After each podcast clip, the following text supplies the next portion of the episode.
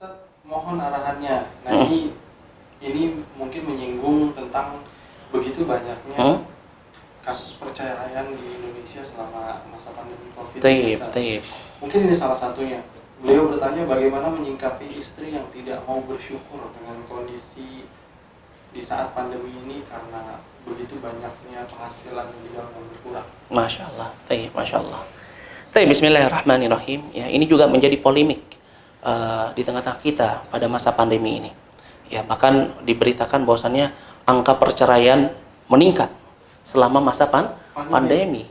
Ya, padahal seharusnya dua orang yang saling mencintai karena Allah ketika di masa pandemi ini mereka harusnya bisa apa? Bisa saling menja- menjaga, ya. Tetapi tentunya terkadang kita mendapati keadaan bahwasannya istri kita tidak bisa sabar. Nah, ini biasa. Kenapa? Karena nam- namanya wanita itu nisful iman.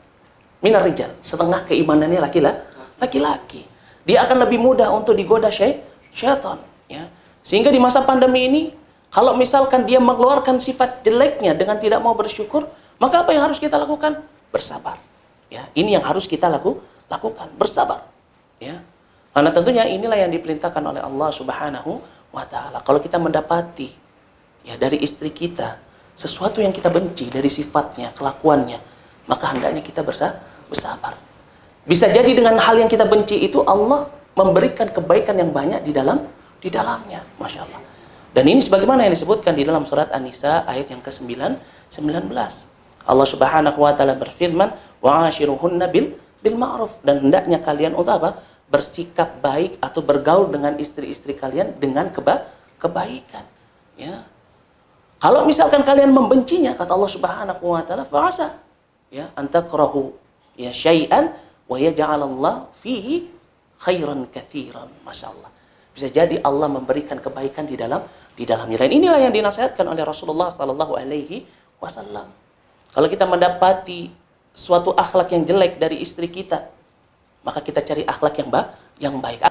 Kita ikhlaskan amalan kita, tentunya dengan ini Allah akan memberikan apa? bantuan kepada kita, pengertian untuk istri istri kita. Bersamaan dengan memberikan pendidikan agama kepada istri istri kita, mengajarkan kepadanya tentang makna qanaah, mengajarkan padanya tentang makna syukur, ya. Yaitu semua itu pastinya kembali kepada il ilmu.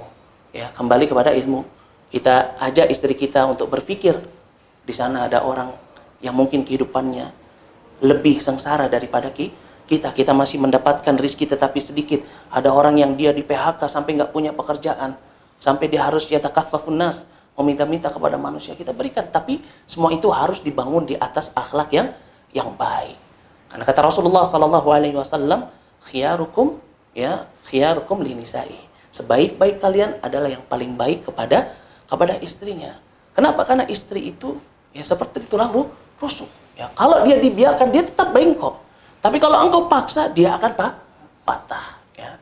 Kalau misalkan engkau bisa berlemah lembut kepada dirinya, tentunya lambat laun dia akan apa? Dia akan memahami keadaan keadaan yang sedang berlang- berlangsung. Ya.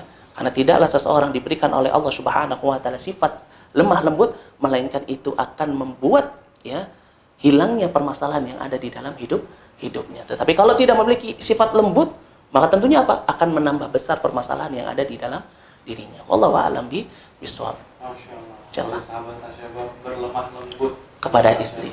Nah, Bagaimanapun juga kewajiban kita sebagai suami ya. Betul, betul. Selalu berlemah lembut kepada istri dan bersabar. Betul.